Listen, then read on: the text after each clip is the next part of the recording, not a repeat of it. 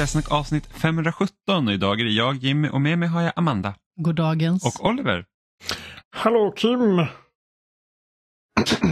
Så du har liksom degraderat hela hållet nu så att du bara säger nej, vi kör ett namn. Ja, ja men vi har, Ingen kan vi har bli etablerat upprörd. det. Så heter Amanda kallar mig för gubbgris. Som att jag någonsin har gjort det. Ja, förra veckan. Förtal. Det är liksom, och vi vet ju vad du tycker om Kim dessutom. ja. Nej, det var inte Kim. Krille. Det var Krille, så var det. Krille, Jag vet inte varför jag fick in. Det är sak samma, det är nästan samma sak. Men vi vet, vi vet ju ditt agg mot Krille. Så att eh, Ska vi klippa på? det är bara så det är. Jimmy bara, det var kommer Kim från? Nej, jag kommer inte alls ihåg Kim. Eh, men Oliver, vi vet ju att du har haft lite pyssel för dig i helgen. Mm. Så har du gjort. Alltså, så, alltså, jag, jag, den här veckan har jag spelat primärt två saker. Den första är bara Resident Evil 4. Alltså jag, jag, I lördags sprang jag igenom det spelet två gånger på rad.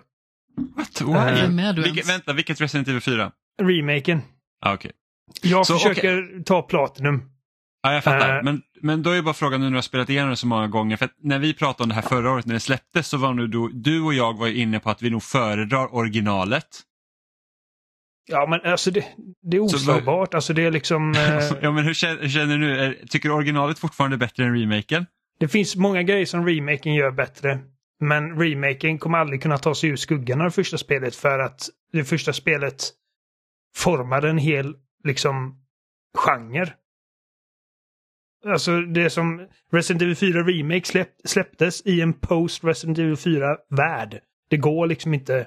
Alltså, jag, eh, hade någon som aldrig har spelat eh, Resident Evil 4 förut sagt vilket ska jag spela så hade jag sagt remaken helt enkelt för att det är större chans att du gällar med det. Liksom, för att det, det har liksom moderna sensibilities. Och det har fått mig att tänka på liksom det här med homogenitet i spel. Att idag så finns det, och i, många år nu, så det, vi har etablerat en, liksom, en ritning för hur ett spel ska kontrolleras och kännas. Um, med Resident Evil 4, Gears of War, Uncharted och The Last of Us. Liksom, väldigt olika spel liksom när man snackar om Ja, de är inte lika olika som typ Gone Home och Resident Evil 4, men liksom väldigt olika spel eh, inom sin genre. Men vet du ungefär mekaniskt hur ett av dem fungerar så kommer du kunna spela det andra och så var det inte förr i tiden. Eh, när liksom Metal Gear Solid 3 och Splinter Cell kändes helt annorlunda eller när Resident Evil 4 och jag menar något annat liksom eh, shooter. Alltså typ Från- Jack and Daxter. Ja, ja, men, ja men precis liksom två olika typ shooter Eller Spel. Jack 2 då. Jack 2 ja. Ehm, och, och Resident Evil 4 var det som gjorde att här är ritningen. Liksom det, det är så här liksom tredjepersonsskjutare ska vara nu. Även om det liksom gjorts små inkrementala liksom förändringar som att ah, nu kan du gå, röra dig och sikta samtidigt och det är liksom lite mer high octane. Och, Eh, men det var, det var perfekt designat för sin tid. Och jag spelade det när det släpptes och jag kommer aldrig liksom komma ut ur det. Liksom, det, det, var en, det var en jävla revolution när det kom. Men remaken är riktigt, riktigt jävla bra. Så pass bra att jag skulle nog säga att det ändå är liksom det starkaste Resident Evil-spelet som har släppts i modern tid. Och då är alla spel de har släppt sen sjuan riktigt jävla vassa. Men fyran är det bara rakt igenom asbra. Och det finns, jag har massa liksom små gripes med alla andra. Um, så jag menar, det första gången jag klarade det, standard eh, svårighetsgraden, tog ungefär 20 timmar. Vilket var, ja. En, eh, det var ett, ett matigt spel. Eh, utan att liksom eh, bli för matigt. Nu har jag filat ner min tid till tre timmar på svåraste svårighetsgraden. Um, och eh, men då var det på New Game Plus och det finns troféer för att klara det här spelet men. Så man, man kan få S-rank ifall man klarar det under fem timmar eller vad det är. På Professional. Um, men för att få S plus-ranken så måste du göra det ut eh, på en helt färsk save med helt ouppgraderad gear och allting. Um, så det är vad jag sysslar med nu. Alltså arguably det absolut, den absolut svåraste utmaningen man kan ta sig an i hela spelet. Och Platinum-trofén är helt sjuk. Alltså du behöver klara det typ tio gånger. Eh, och jag är Ja, inne på det- mitt sjätte varv nu tror jag. Och det Ja. återstår flera stycken efter det. Det är så är du jävla... väl klar med det imorgon då, Oliver? Ja, precis. Det, det är så jävla jobbigt med många japanska spel, det är det att de älskar att man ska klara spelen hur många gånger som helst. Det, jag har också tänkt, äh, japanska troféer, äh, japanska spel och deras äh, Platinum-troféer är, alltså de är fan die hard. För man kollar på liksom många västerländska spel nu, särskilt Sonys första partstitlar, är liksom att filosofin är att vilken, vilken schimpans som helst ska kunna göra detta. Det är liksom, det, det var länge sedan i ett Sony första partsspel som man hade så här svårighetsgradstroféer exempelvis. Mm. Utan det är liksom, du, kan, du, kan, du kan ta en Platinum på absolut lättaste med alla assists på. Eh, du kan byta svårighetsgrad hur du vill. Och liksom, det är aldrig särskilt liksom, utmanande grejer. Det är bara att du ska, du ska lägga tiden, du ska göra, du ska ta alla collectibles och sådana grejer. Eh, japanska spel är mer liksom, varför är du inte läkare än? Du är 11 år nu. Eh, och, Det har blivit bättre dock. ja, alltså, det- det, på 360-tiden då var det liksom, då, då var det verkligen som man tittar på det och man var såhär, nej, det där gör Alltså typ, varenda rollspel, liksom Platin var typ såhär, ah, du måste ta den svåraste bossen och så ska du, ha, du måste liksom ha alla vapen i ditt inventory samtidigt och det var liksom helt sjuka men- grejer. Det är vissa så här, spel. Det här är typ 300 timmar av mitt liv. Eh, här händer Ja. liksom inte. Vissa spel på den tiden, liksom 360-tiden när äh, achievement och så var nytt var ju liksom, alltså då var det, det här är verkligen en achievement liksom. Det, är alltså, det, vissa av de grejerna är ju typ omöjliga att ta idag. För att det är liksom, Ja. eh, Jag tror om det var typ ett eh, Ghost Recon-spel som hade att du måste vara etta på leaderboardsen. ja, ja, men, ja, men, ja men precis. Och det, kan, det är verkligen i ordets rätta bemärkelse en, Absolut. ett achievement liksom. Och så får du dina 5G eller vad fan det är. Eh, jag, jag, jag har absolut inget emot att Sony har gjort det mer liksom öppet. Liksom, att vem som helst ska kunna ta en Platinum ifall de verkligen vill. Eh, jag tycker det är ganska trevligt. Men, eh, men det är också, det ligger någonting i att liksom verkligen hänge sig åt att jag ska fan ta Platinum i det här spelet som är jävligt jobbigt att ta en Platinum i. Det är samma med Devil May Cry 5 som kanske är den mest tillfredsställande liksom maxningen jag gjort. Eh, så S-rankar varenda uppdrag på varenda svårighetsgrad. Vilket tog mig alltså säkert 200 timmar på standardutgåvan och sen gjorde jag om det på uh, Directors Cut-utgåvan. Så Jag jag föredrar om troféer inte är att man ska behöva spela om spel fler gånger.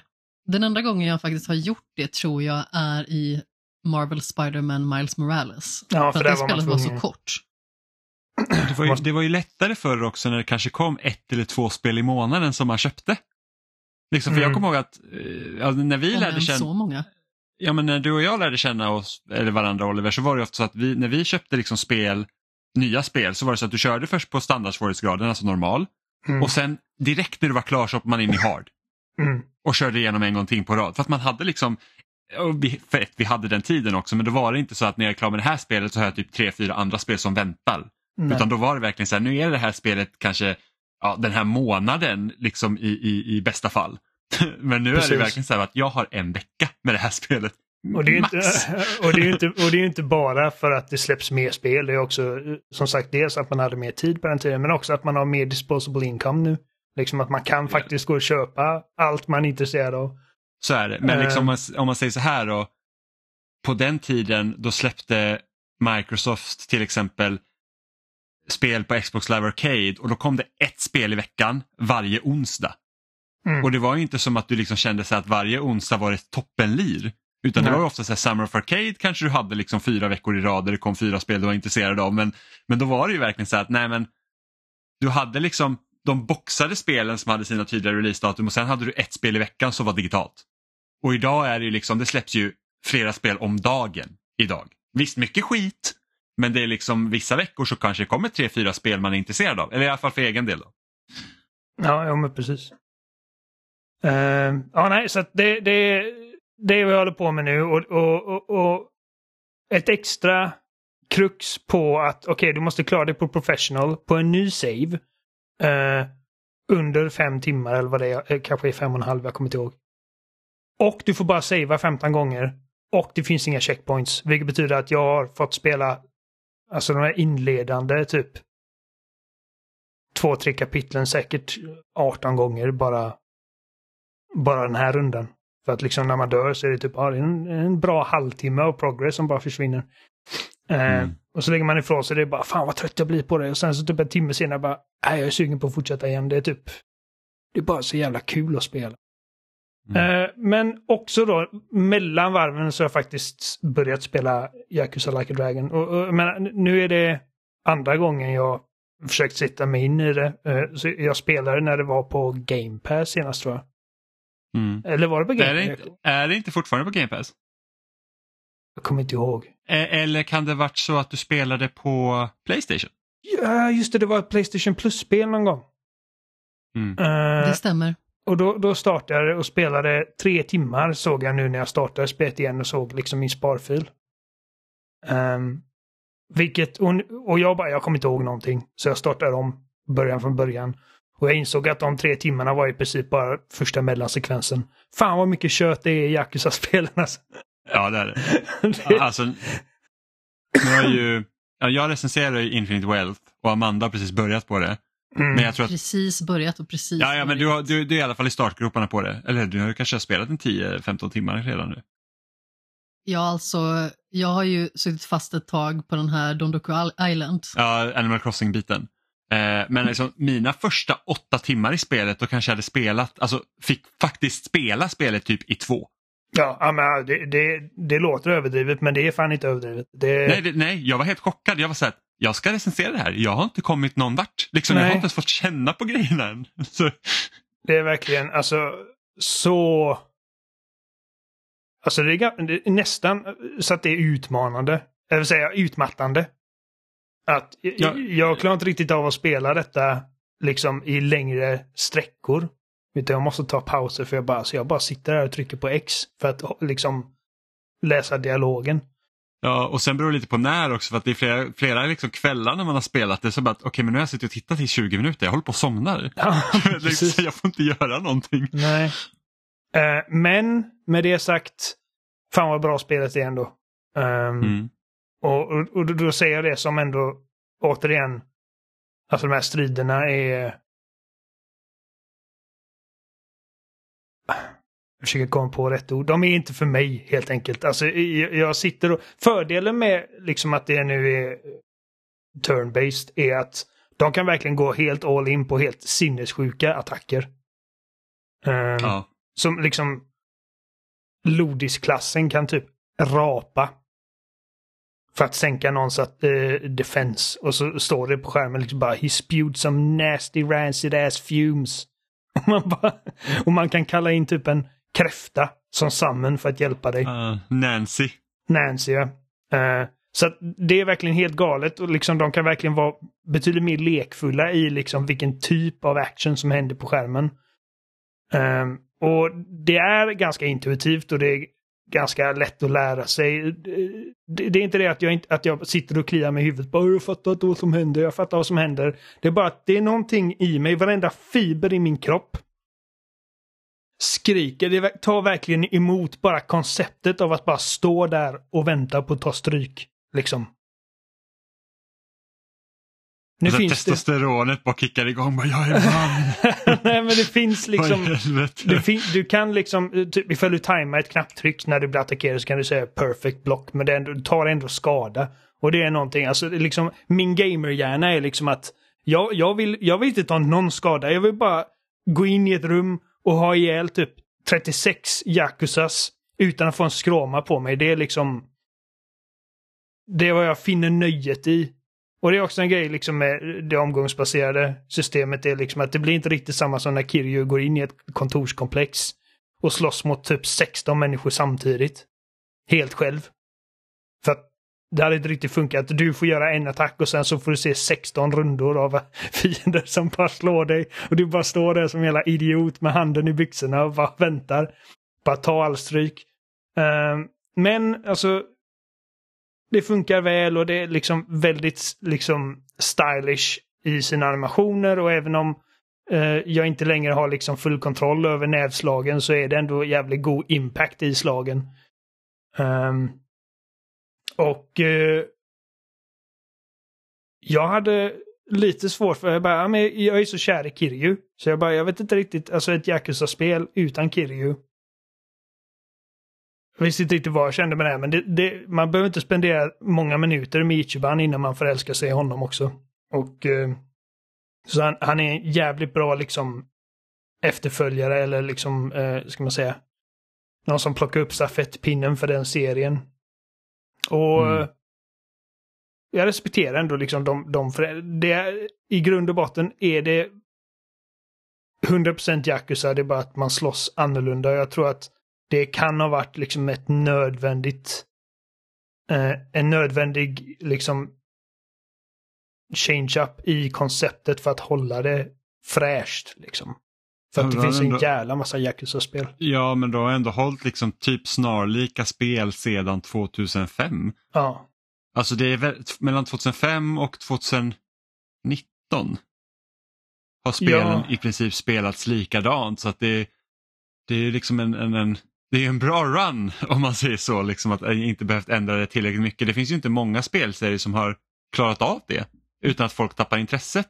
Nej. Det är ju ändå väldigt modigt att ta ett så etablerat koncept och sedan bara liksom göra någonting helt annat med sitt spel. Att mm. gå från någonting som är liksom väldigt aktivt i hur man hanterar strider till att vara liksom mer taktisk och mer passiv. Det är ju liksom en väldigt stor förändring. Jag gillar också Jimmy att du sa innan att jag var i startgroparna av Like a Dragon Infinite Wealth när min Playstation har registrerat 41 timmar i spelet. nu har inte jag spelat så mycket för att i vissa perioder har det nog liksom stått på lite grann i bakgrunden. Alltså hon har, hon har boostat sin tid här. Hon har dopat klockan. jag skulle nog säga att jag kanske är någonstans 25-30 timmar. Ja, för jag, jag, jag tror jag har spelat 39 timmar på min sparfil. Och jag är nog, jag börjar närma mig slutet. Men jag har ju också lajat runt så himla mycket. Det finns ju till exempel någonting som kallas crazy delivery som innebär att man cyklar runt som en vettvilling och levererar sushi och pizza och hamburgare och gör så liksom genom att göra trick för att liksom få upp mer boost i sitt cyklande. Um. Och sedan så ska man samla på sig x antal av de här olika sakerna som man ska leverera för att kunna leverera till olika personer och sedan så ska man göra det här inom en viss tidsram och sedan då för att komma förbi de olika stegen leverera mer och mer. Och jag har faktiskt fått den trofén för att liksom ha klarat det på vad det nu kallas, very hard eller någonting Men det, sånt. det är typ crazy taxi. Men att du plockar inte upp människor utan du plockar mat. Um... Och sen helt plötsligt så cyklar man upp liksom på ett höghus och så ska man liksom hamra på knappen för att man ska skjutas iväg och så landar man på stranden. Och så... Det är helt vilt verkligen och så himla dumt. Oh, Men jag satt ju jättelänge med det där. Och du får liksom höga poäng för att du levererar maten så galet som möjligt så att du liksom man, sitter där på den jävla cykeln som Ichiban, han bara crazy! liksom. vilt, eh, vilt är ett bra ord för att beskriva hela den här serien. Det, det, vilt är precis vad det är. Och det, det är verkligen ja, så här whiplash i tonen, liksom att det kan gå från att man, man bara råkar hitta ett rum fullt av vuxna män i blöjor. Liksom.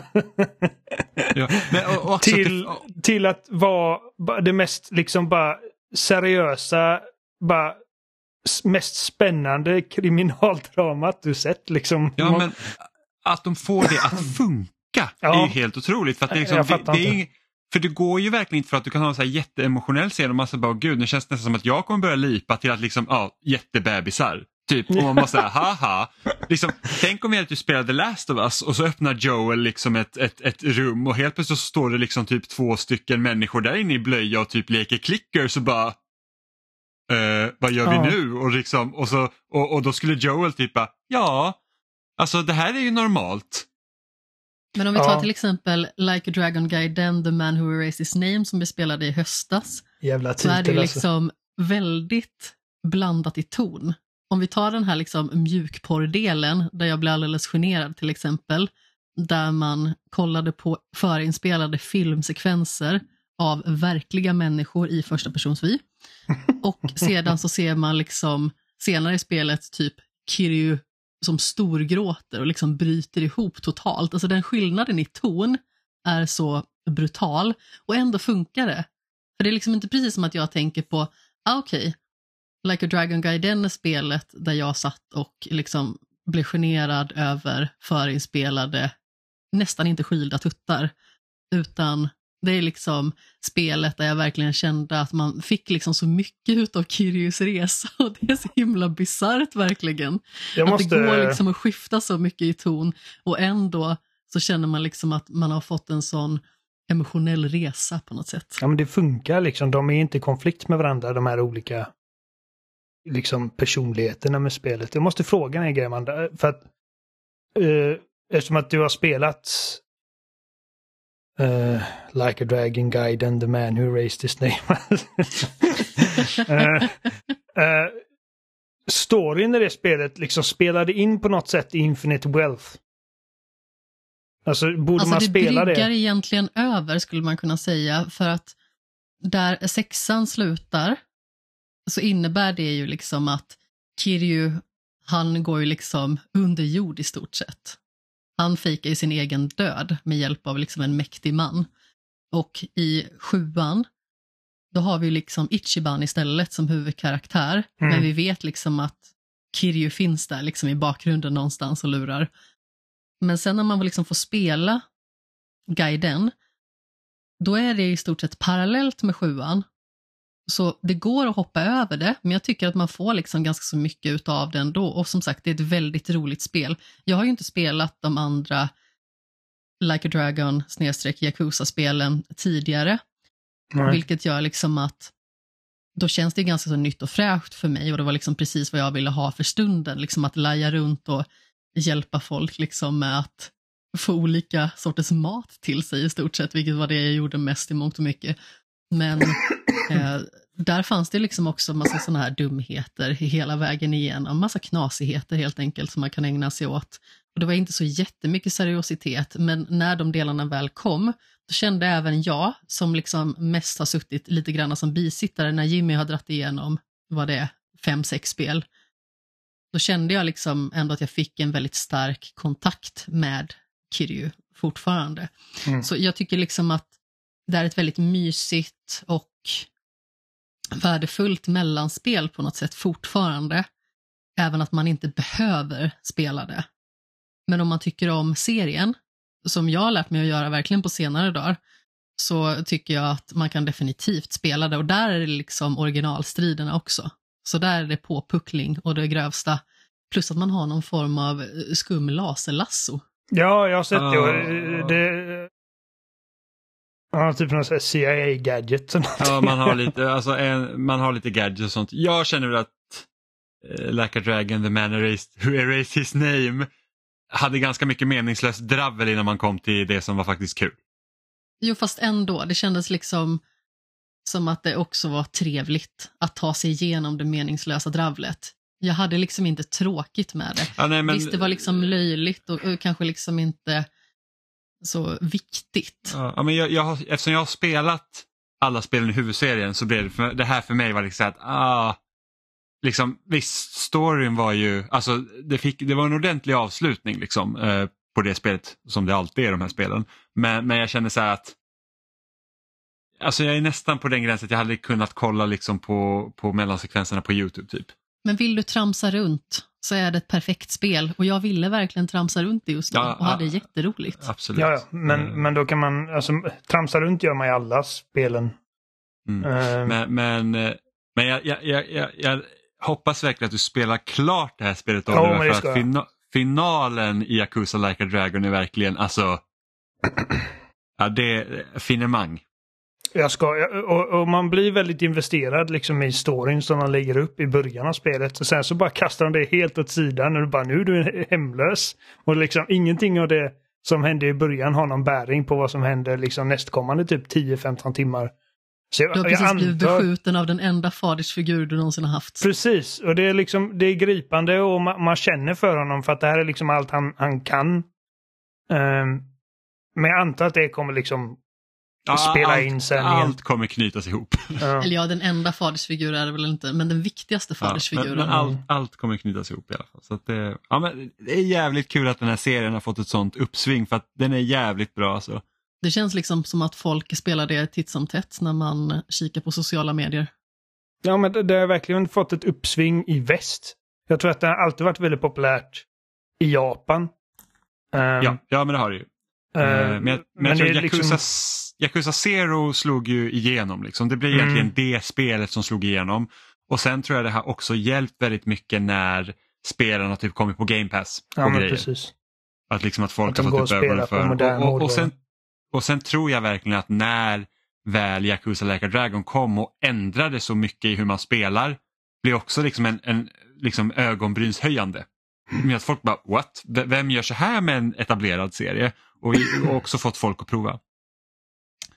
Så att eh, ja, ja men det är kul. Det... Jag måste ändå säga att jag är lite besviken Jimmy. När du sa att Oliver hade pysslat i helgen så hade jag föreställt mig typ sådana här kottdjur. Det var ja, någonting helt annat nu. Ja, ja men precis. Mm. Uh, Oliver pysslade med det här. Uh... Jag har målat på väggarna med min avföring. ja, som du brukar göra. det, det, det, blir lite jobbigt när du har varit på besök här och liksom man bara säger de här tapeterna var inte bruna. Det är sånt man, typ så här, ditt genomsnittliga Kingdom Hearts dialogcitat som är så här liksom skrivet med avföring i en så här värderad cell.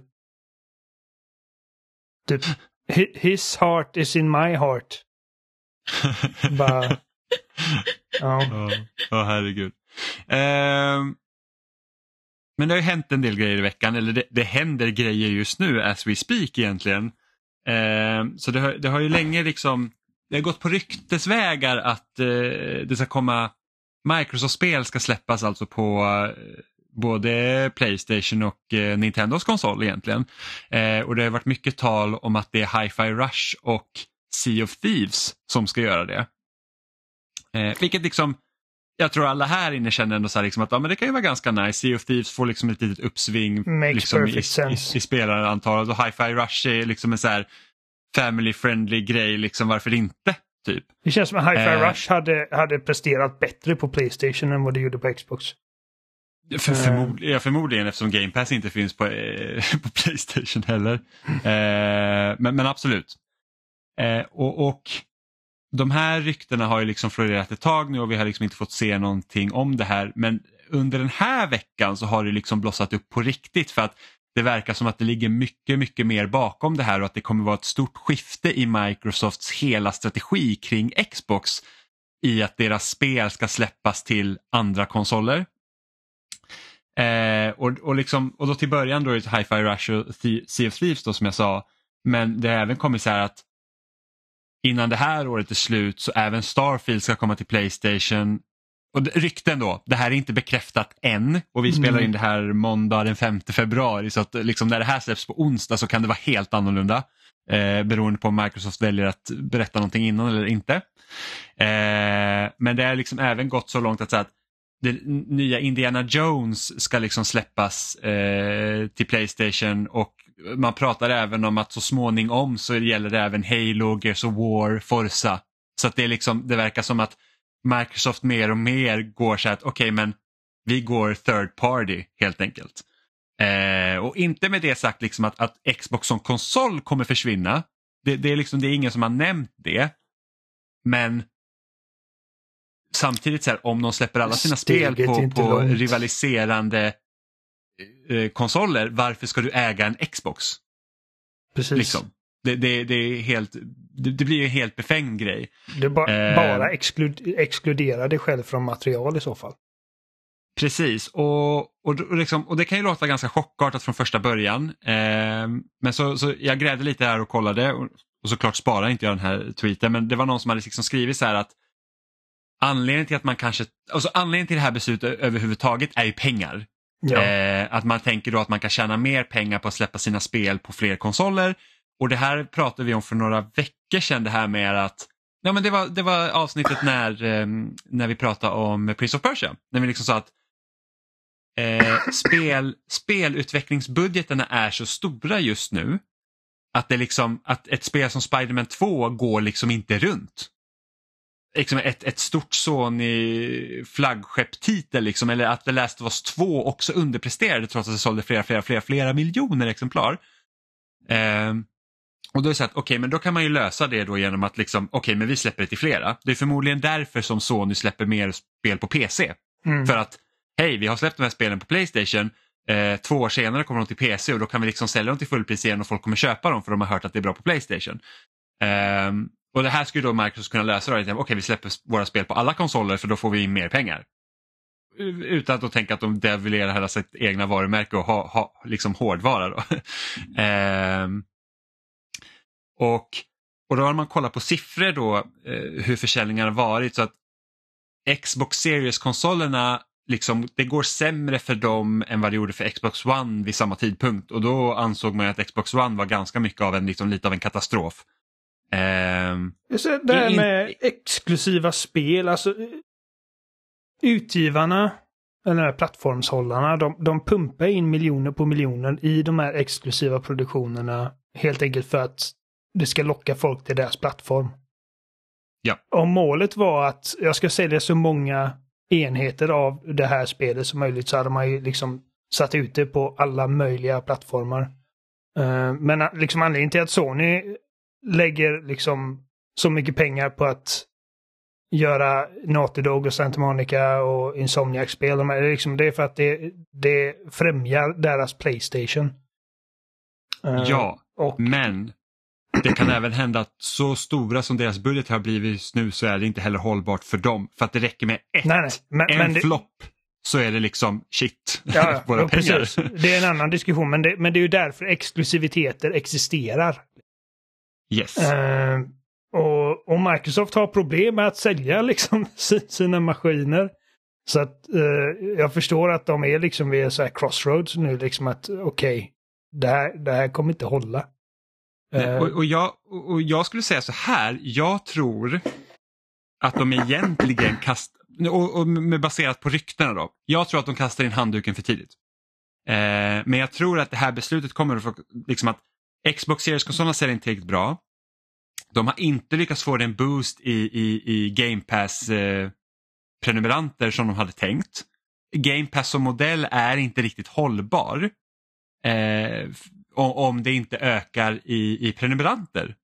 Eh, för att det är dyrt att få de här spelen till sin tjänst och det är dyrt att ha sina stora titlar då dag ett där. Men det, det funkar kanske bättre så när man inte har så mycket titlar att släppa för det har de inte haft på typ snart 15 år. Mm. Eh, men jag tror det här att när Starfield släpptes i höstas och inte gav den boosten som de kanske hade räknat med jag tror att det är därifrån, där någonstans så börjar det liksom vara så att okej, okay, men vad gör vi? Ja, för de tänkte, ja, Skyrim typ ett av världens mest säljande spel. Uh, det, här, det här kommer ju göra gangbusters. ja, men precis. Och det är så att okej, okay, det ökar inte försäljningen, men så här, de släppte det på PC också samtidigt. Mm. Uh, men det är så att okej, okay, det ökar inte försäljningen av konsolerna no, liksom tillräckligt, eller om det ens gjorde det. Och det ökade förmodligen inte Game Pass-prenumeranter heller till, till en så stor del som de kanske hade velat haft. Då är det så att okej, men det här funkar liksom inte. Eh, samtidigt så har man köpt liksom Activision och liksom har fått ett stort bibliotek av IPn och det typ största IP i världen. Eh, där man inte känner att man vill låsa det IP till Xbox. Och då är det så att okej, okay, varför inte släppa allt third party? Eh, jag, jag, jag är att, nyfiken på, eller avsluta din mening. Ja, för att i USA så hade Xbox, alltså Microsoft hade sin sämsta försäljning under julhandeln på många, många år för Xbox. Eh, trots att de hade sänkt konsolen till 350 dollar. Så att den är, den är liksom billigare än vad den någonsin har varit och de lyckades ändå liksom inte boosta försäljningen. De kom ändå liksom då på tredje plats med, med Playstation och, och, och Nintendo liksom före. Mm. Eh, så där är ju problemet. Men sen säger jag också att jag tycker att de kastar in handduken för tidigt för att det är så här att anledningen till att folk inte har liksom köpt in sig på Xbox-varumärket är för att spelen inte har funnits där.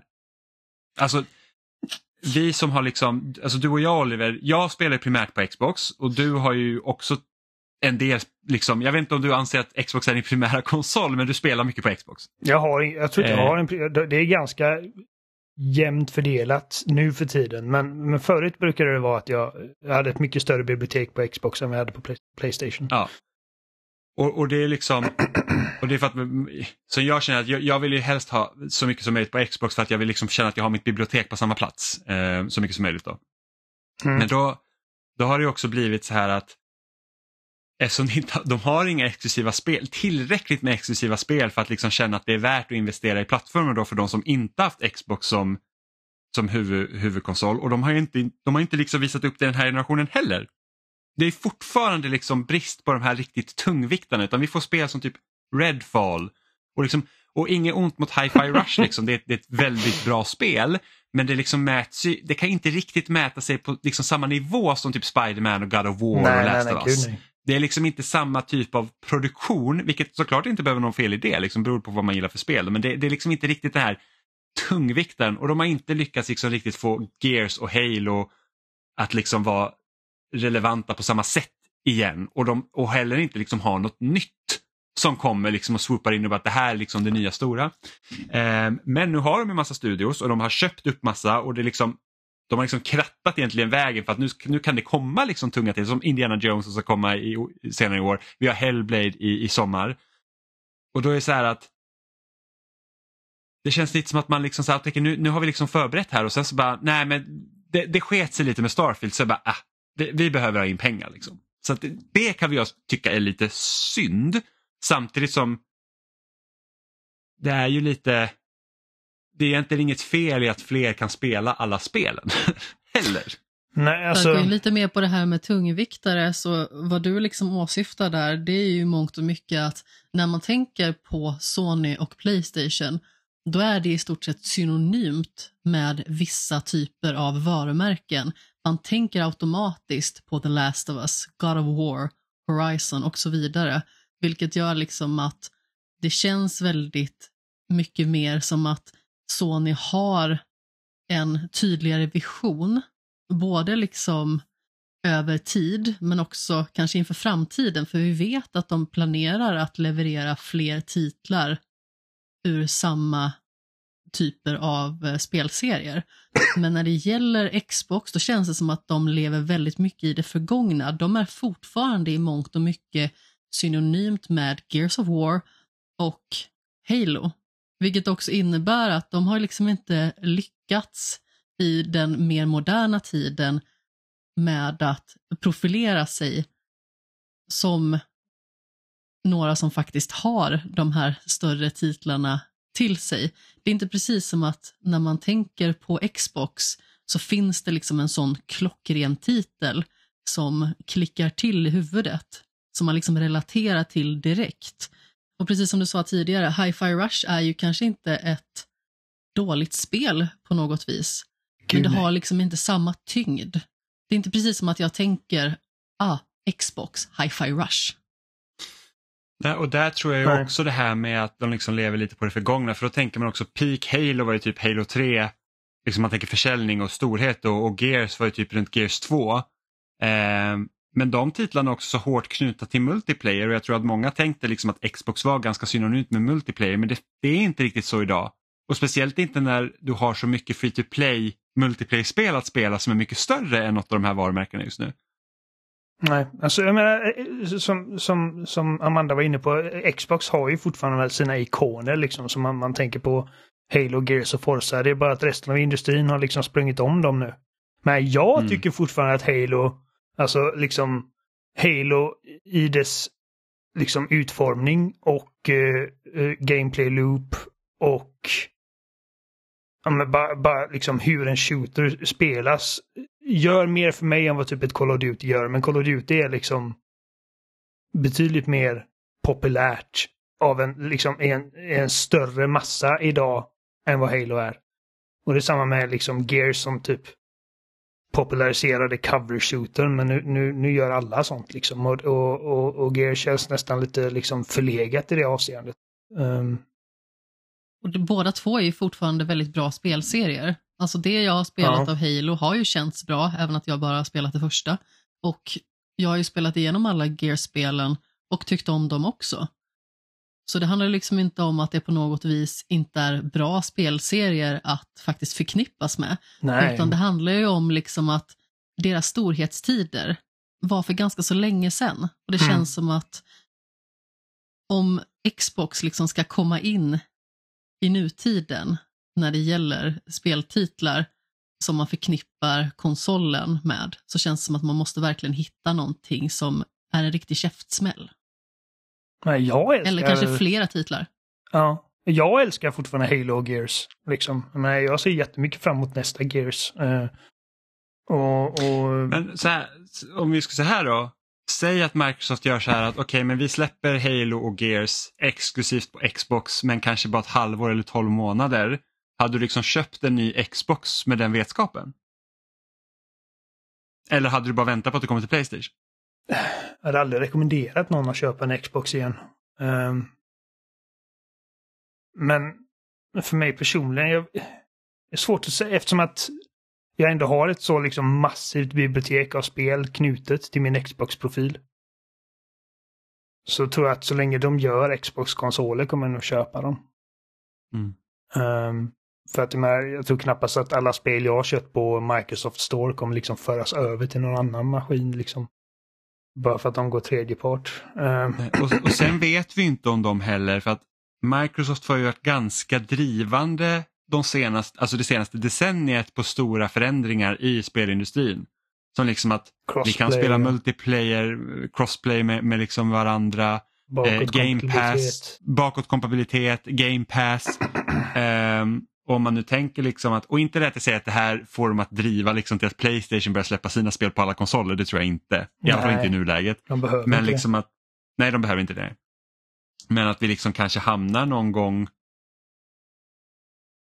liksom i, i en tid där liksom att okej men om Playstation liksom anser sig att okej men våra budgetar är så stora nu så att vi liksom klarar oss inte att släppa enbart på Playstation. Då kanske det blir så att man kanske släpper dag ett både på Playstation och PC. Och, sen får man se vad man tar det där och det vet man inte. Det Ehm, fanns en tid då det var helt otänkbart att ett Halo-spel skulle släppas på PC och Xbox samma dag.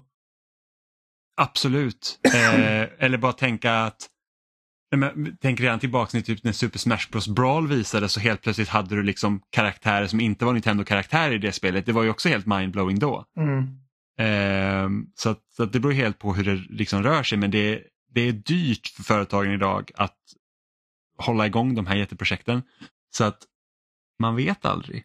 Jag tycker sen är, alltså, de, de, en grej som grämer mig över E- Xbox är bara en sån sak som att de, har, de äger Banjo Kazooie exempelvis som har potentialen att vara liksom en, en liksom, så familjevänlig maskot för Xbox. Eh, men de Typ gjorde, Ratchet Clank. Ja, men, eller, eller Mario eller whatever. Men de gjorde ett försök och sen bara aldrig mer. Och det, och, och det försöket var liksom, vi bara slänger ut allting som folk förväntar sig av den här serien och gör det till en liksom fordonsbyggarsimulator. Det liksom har ingenting med Banjo Kazooie att göra egentligen. Så det är liksom, de sitter på massa va- varumärken som de inte gör någonting med. mm, ja, men det, det har också varit, alltså Xbox har haft väldigt knepigt ledarskap. liksom, du hade ju han Phil Harrison som var liksom att alla, han, han var ju liksom chef för Europa-grenen liksom och, och all, alla spel skulle ju göra, alla skulle vara live service-spel eller liksom multiplayer-spel. De fick inte liksom göra, det var, det var så vi fick Fable Legends till exempel. Mm. Eller ja, fick och Eh, fick. Ja, fick, men liksom, det var då liksom, det började liksom den delen att allt skulle liksom vara det och det var ju liksom ett misstag. Hela, hela liksom eh, all in på Kinect för att jaga liksom Wii-publiken som övergav den konsolen för telefonerna var ju liksom också ett stort misstag. Eh, hela början på Xbox One, alltså, där var ju, alltså, det börjar ju när Kinecten liksom hamnar i fokus. Där börjar ju liksom man kan säga vägen neråt. Mm. eh, som eskalerade ordentligt på Xbox One och de har liksom inte lyckats hämta tillbaks det för att ja, som sagt bristen på spel, det har ju varit det och det är där som Sony har varit väldigt starka från liksom slutet av PS3 genom PS4 och nu PS5. Eh, så det är det största problemet och jag såg att Ryan McCaffrey som är då, han jobbar på IGN och är liksom typ deras Xbox-expert hade sagt det liksom att okej okay, men Microsoft har haft problem liksom med exklusiva titlar vilket har fått folk att liksom jump ship så att säga. Eh, och deras liksom lösning på det är att inte göra exklusiva spel längre. Mm. Eh, och då är det så här att då är ju frågan så här, hur ser Microsoft på Xbox-varumärket?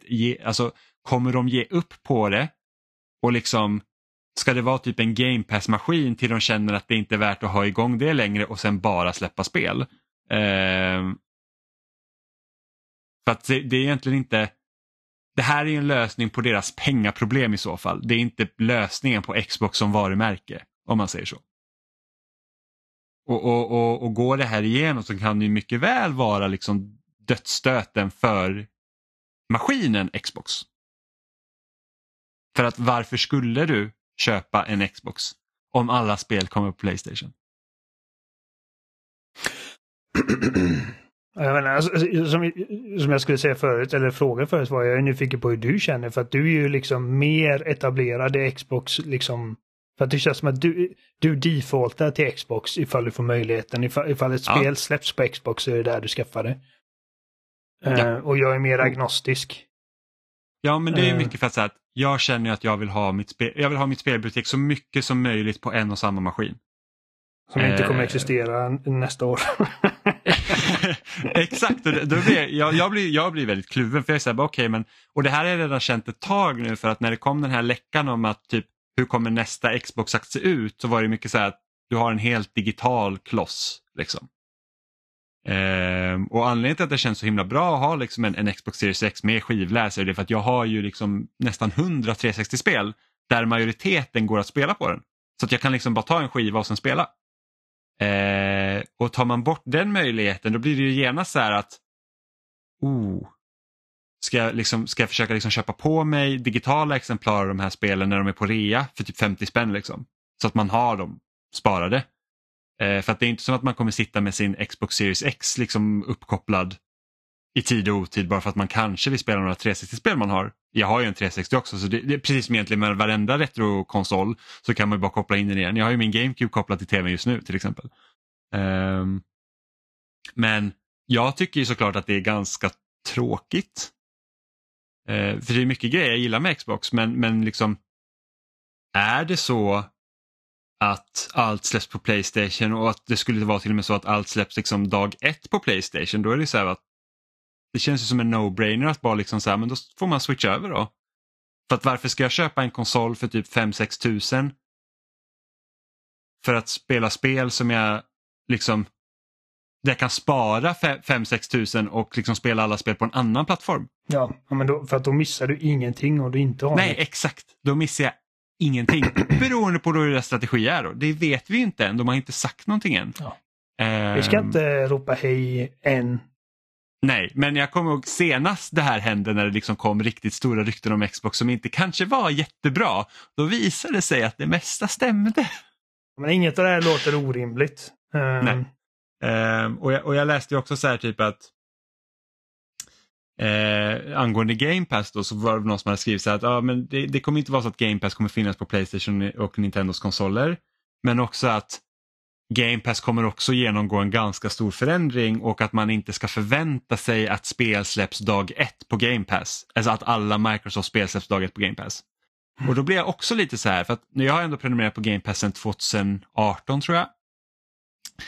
Eh, och då är det lite så här typ att, ja, men typ ta en grej som COD. Liksom att, jag tror att alla nästan förväntar sig att ja, men COD kommer förmodligen finnas där dag ett för att Microsoft alltid har sagt att liksom, deras spel ska finnas där dag ett. Mm. Och inte för att jag bryr mig så här jättemycket om Call of Duty men det är så att om man börjar redan så här tumma på det här att nej men alla våra spel finns inte dag ett. Då är det så här att okej okay, men om ni nu börjar släppa mer exklusiva spel och det som ni liksom då har sagt sedan starten med Game Pass, liksom att det här kommer så småningom att finnas dag ett releaser och det inte stämmer längre, då är det så här att okej, okay, men va, varför ska jag då betala för den här dyra prenumerationen om jag liksom kanske ändå inte får ut det vad ni har lovat, vad ni har sålt in det på som från början. Liksom. Förvisso Ja. spelar jag ju mycket så här liksom in, indiespel som släpps dag ett och tycker det är asnice liksom, att kunna testa spel så. Då. Men det är ändå så här att när väl Microsoft skulle kunna infria sitt löfte om att nu har vi det här liksom stora förstapartsbiblioteket som, som ni kan spela dag ett på Game Pass och så drar de tillbaks den perken, då blir det lite så här att ah, det, det gillar jag inte. Och det spelar ingen roll om jag förstår beslutet bakom, att det, det är såklart det är ekonomiska incitament här som är görningen, men det är ändå så här att nej, det, liksom, det blir ju inte bättre. Det är som när Playstation, nej, när Nintendo började ta betalt för sin online-tjänst. Mm. Och så var det typ så bara, ah, då kom de med några reklam så här, nu kan du spela online med mina kompisar och göra det här och det här. Man bara, men det kan vi göra gratis nu ju. Ni tar ju bara betalt för det. Låtsas inte som att jag får någonting av det här när ni egentligen gör så att jag måste betala pengar för det som jag nyss gjorde gratis. Så att det blir ju, ja det blir, det blir weird. Um, Men, liksom att det gick att ha spelen dag ett så länge ni inte släppte några spel. Det är lite så det känns. mm. Nej, jag vet inte. Alltså,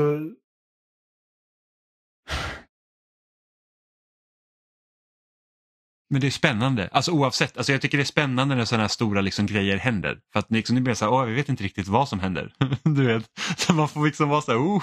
jag menar utvecklarna lär inte klaga.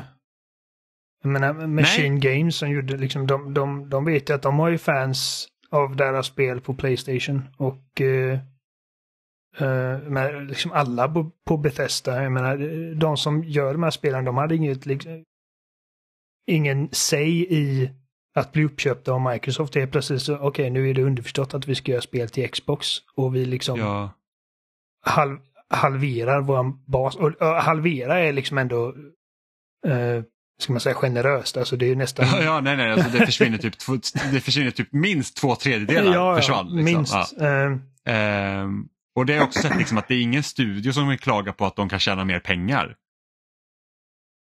nej, Alltså de har ju potentialen att kunna få in mer pengar. Eh, och sen har jag sett lite andra typ så här att ja men Microsoft kanske släpper en, liksom en mega superduper konsol nu som är skitstark. Och då är det så här bara, det spelar väl ingen roll hur stark konsol de kommer släppa framöver om alla deras spel släpps på Playstation. Det är ingen som kommer optimera för deras starkaste konsol. De kommer ju optimera efter Playstation. mm, För att det är liksom, var, varför ska man liksom börja köra stenhårt på Xbox några få kommer köpa än att liksom man optimerar för den konsolen där det finns flest. Så att det, ja. jag menar pistolen mot tinningen så hade jag sagt att men Playstation kommer fortfarande ha en plattform om 20 år och Nintendo kommer fortfarande ha en plattform om 20 år, men jag är inte lika säker på Xbox faktiskt.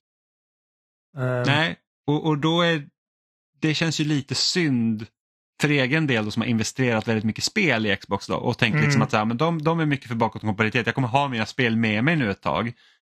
Förvisso, jag har haft med dem ett tag redan. liksom, tekniskt sett så har jag spel från 2001 ja, på min precis. Xbox Series X. Så det, det är liksom inte, och det, det är det ju ingen annan riktigt som har gjort. Nej. Liksom, du kan ju spela gamla spel på Playstation, du kan spela gamla spel på Nintendo. Men det är enbart på min e- nuvarande Xbox jag kan spela mitt potentiella exemplar av Halo 1 Ja, på den nya maskinen. Vilket är liksom väldigt fascinerande. Så, så det är också synd att bara den liksom biten att det är så här att ja, men, det känns lite så att de kastar bort det om det här stämmer och beroende på hur de gör dem. Ingenting är ju sagt än. Nej. Måndagen den 5 i andra 2024. Eh, men vi får se. Det, jag, jag tycker fortfarande att det är spännande att se vad som händer liksom, och, och hur det kommer ta emot och, och, och, sådär. Men Phil Spencer ser lite mer deprimerad ut varje gång jag ser honom. Ja, men han har också försökt lova samma sak nu typ tio år. ja, Spelen, spelen kommer, det tar tid. och, det är bara så här, jag bara ja, föreställer mig han sitter där med sina liksom, möten med de olika utvecklarna. Bara, "Ja, ge mig en statusuppdatering. Ja, det tar fortfarande tid att göra de här. Okej. ja. Nej, det, man kan liksom köpa 100 studios men det eh, gör ju inte att spelen går snabbare att få ut på marknaden liksom. Nej, och, Microsoft verkar också röra sig mer och mer mot liksom att vara helt digitala. Med tanke på att nu, nu Mm. är de här ehm, eh, de eh, personerna som de sparkar då var ju mycket inom deras liksom så här fysisk media-team, liksom de som håller på med releaser för liksom deras fysiska spel. Och, och Hellblade 2 kommer inte ens i fysiskt exemplar. Så att det, det sker mycket och, och antagligen liksom att, så här, de försäljningssiffror de har på Xbox gör ju säkert att det liksom speedar upp vissa beslut. Då. Ja. Eh, ja vi, vi får att, se. ja. Så här, nästa vecka Vi sitter vi och säger Xbox har gått i konkurs. ja. Huvudkontoret Seattle, de, det brinner. Ja, det, det, det hade ju varit något att typ världens eh, största företag går i konkurs från en vecka till en annan. Och de fifflar med siffrorna. Eh, så att det, ja, nej men det, det, det är ju spännande men att det känns ju att den, jag ska inte säga tillit, men den, liksom, den tro man har liksom för eh, Xbox då som liksom varumärke kan man väl säga, det, är liksom, det får ju sig en törn. Det, man blir ju osäker, det är okej men ska jag liksom kolla igenom nästa rea och känna så att ska jag fortsätta att samla på mig min spelsamling här eller ska jag börja liksom köpa spel på Playstation nu så att när väl plåstret rycks bort så är det inte lika hårt. Jag menar ifall det fortfarande är så att okej, okay, men vi, vi, vi gör inga exklusiva spel längre men, men vi har dem ett halvår före på Xbox så kommer jag fortfarande äga en Xbox. För att jag ser liksom inte en, en verklighet då jag kommer vänta på att spela liksom Halo. När nästa Halo släpps i ett halvår. Ehm, men sen är det liksom ifall de går att allting vi gör släpps på alla plattformar dag ett, då, då är det en annan visa. Mm. Ja, och, så, och, speciellt, och, och, och blir liksom Game Pass en sämre deal då i, i samma veva, då är det så här att ja.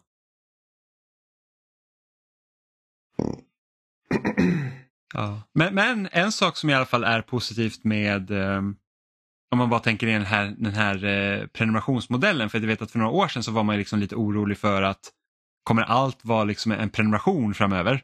Liksom att säga att okej, men vi kommer helt plötsligt, vi kommer inte äga spelen utan vi kommer prenumerera på en tjänst för att kunna spela spelen. Eh, och den sektorn har inte alls haft samma tillväxt som, som, som man hade trott. Vilket gör att den delen är ganska liten av alla som spelar. Mm. Så det kommer, vi kommer förmodligen inte ha liksom Netflix för spel och att det är liksom så du konsumerar spel. På ett tag. Nej, Kan nej, inte än veta vad som händer om tio år. Eh, sen när streaming är så pass bra att det är liksom är nollproblem, då, då kanske det är en annan femma. eh, men ja, Nej, men det, det, det händer mycket och det har verkligen varit, alltså jag har ju liksom läst trådarna på, så här, på Reset Era och folk är typ helt eh, liksom, du vet, "Åh!" Eh, varningslampor och, och grejer och typ och det här med att oh, Microsoft måste säga något, de måste ju säga att hela communityt är in shambles. Och man bara, alltså du person, hej, som skriver på det här forumet är en väldigt liten del Mm. som liksom av, av alla som spelar. Eh, så att, att vi, får, vi får se. Eh, som det är sagt nu i alla fall så ska det vara typ i slutet av februari ska de gå ut och säga någonting. Men beroende på då hur de här ryktesspridningen går så kan det hända att de säger någonting tidigare. Och vi kommer såklart prata om det då, när det väl är någonting. Men från Microsoft till Playstation så hade vi även en State of Play förra veckan. Mm. Där vi fick se eh, en hel eh, del eh, spel som ska komma till Playstation. Ehm, och jag tror en av de största grejerna var egentligen Death Stranding 2. Fan, det ser ut som en feberdröm alltså. Man, man, man Med den väldigt sexiga titeln On the Beach. Man har ju alltid vetat att Hideo Kojima sitter liksom och typ snortar kokain och bara The demons man, they're in my head. Men nu är det verkligen, han, han har kört upp substanser varenda jävla kroppsöppning. Alltså det är, eh, Det, det är Kojima Unhinged. det är helt obegripligt. Vad är det jag tittar på ens? Typ, alltså, Troy Baker med sin jävla Joker-sminkning slåss mot en cyborg-ninja. Med en jävla elgitarr som skjuter blixtar. Fan, eh, inte Quiet, eh, Fragile. Fan jag hatar hans namn på sina karaktärer. Fragile har typ en ansiktsmask som är två händer. Som både funkar som en så här kirurgmask men också kan typ tända en cigarett. Nog känd för. Och sen har du lilla Timothy. Chalamet som en lilla trasdocka. Liksom. Ja, som... ah, Alltså, eh, vilket jävla humbug det kommer bli awesome. Ehm, men det blir 2025. Ja. Och, Alltså jag satt ju inte och kollade på den här visningen i sin helhet, utan jag satt ju faktiskt och skrev en inlämningsuppgift. För att vi eh, har ju liksom det som huvudfokus på den kursen jag läser. Så vi har liksom 12 stycken inlämningsuppgifter och jag arbetar liksom i mångt och mycket som bäst på kvällen när det gäller sådana här grejer, för det känns liksom som att min kreativa ådra väcks som mest till liv då. Och jag råkade liksom titta upp precis när Death Stranding 2 visades och bara kände, ja men snälla, vad är det som händer på min tv? Ta bort det. Eh, jag ser fram emot detta. Eh, jag, var, jag var ju smart. Jag droppade Death Stranding 2 från min roster eh, I Fantasy Critic ett par veckor innan det här kom ut. För jag bara, ah, jag vet inte, jag tror inte Death Stranding 2 kommer ut i år. Och sen så såg jag trailern och jag bara, fuck! Kommer det komma ut i år? Nu måste jag bjuda på det igen för att få tillbaka det. och så såg jag 25 och jag bara, ah, skönt. Eh, Alltså, jag, är ju, jag tror jag är nästan mest intresserad i tematiken i spelet. För att förra spelet var ju väldigt mycket så här, ja men hur, hur liksom ska vi koppla ihop varandra? Ehm, och, det går lite till det här politiska landskapet, liksom det här med att vi, vi känns väldigt så här fragmenterade och det har varit väldigt mycket polarisering och vi har sett liksom i olika läger. Eh, och hur liksom kan vi få samman? Men då känns det att det här spelets tagline är så här, är vi för ihopkopplade med varandra? Liksom, var det ett misstag att koppla ihop varandra? Och då tänker jag också lite så här att det, det känns lite så här att typ att äh, kan det här vara någon typ så här kritik mot typ hur vi liksom skriver på sociala medier och liksom vi har koll på allting och liksom att det typ vad gör det med människor? liksom att vi är så pass vi får veta allting väldigt fort och det liksom går väldigt fort att liksom få ut information och vi vet inte vad som är sant eller inte. Så jag undrar om han liksom kommer typ spela någonting på det. det kommer ha 6000 teman. Och sen är jag lite så här att ska vi jag undrar om man har liksom någon så här typ S i rockärmen när det kommer till hur man spelar det för att jag vet inte hur sugen jag är på att typ leverera paket igen. Nej, vi såg inga... Ingenting som liksom... Alltså solklart bekräftar att hela spelet kommer gå ut på, eh, på leverera paket. Man går fortfarande över så här eh, stora slätter och man har grejer på ryggen men det kan ju vara, vara lite vad som helst. Ja, Eh, absolut, så kan det vara men det är så här att då, för jag hamnar lite i det här läget, så här, bara, är det för likt? Du vet, kommer jag orka en gång till typ? mm, Jag tycker ändå att det är lite roligt med tanke på att du har spelat liksom någon form av skjutare 17 000 gånger. Och sen bara så här, ja, varenda ja, fast kan man leverera paket två gånger? varenda Yakuza-spel på Jo men, rad. jo, men det, det är typ så här att det är ju ändå Jag vet, det är väldigt nischat, men det var ganska så kul. Ja, jo, men, för jag har också tänkt på det där. Jag, bara, jag kan ju spela liksom, jag har ju spelat typ 800 Call of Duty liksom, i mina dagar och, jag kan liksom spela Gears of War hela tiden. Men det är också de, de spelen är ju så här, det är mer så popcorn, det är så här snabbt att äta. Det är liksom, det, det, man behöver inte dedikera så lång tid medan typ första Death Stranding tog typ 50 timmar att klara ut. Och då var det så här, jag tänker bara på det här jävla vinterlandskapet som var en jävla pina att ta sig igenom. och var så här, uh. Eh, och det känns liksom gjort. Det är inte som att jag vill spela liksom typ 4-5 Dear Esther på rad heller. Och det är så att Dear Esther var typ två timmar så det är liksom det är en stor skillnad i tidsåtgång också. Jag, det- jag är beredd på en del sådana här leveransquests antar jag. Ehm, Mm. Men jag undrar om det liksom finns någon så här, liksom lite så här, ett S i rockärmen där så att det är bara okej men spelet handlar egentligen mycket om det här. Ja, men jag tror han kommer reko- rekontextualisera vad vi gör och, och liksom Mm. eh, slänga in eh, liksom bara slänga mer pengar på projektet och liksom bredda ut det lite. Ehm. men ja, alltså, jag, jag tycker det är, jag tycker det är jävligt nice att man kan ha liksom en sån här auteur som är liksom så här riktig jävla crackpot. Som han kan komma upp med vilken idé som helst och varenda utgivare i världen har sagt ja. Liksom, Utom Konami. utom Konami, de, fick, de blev trötta på honom. Ja.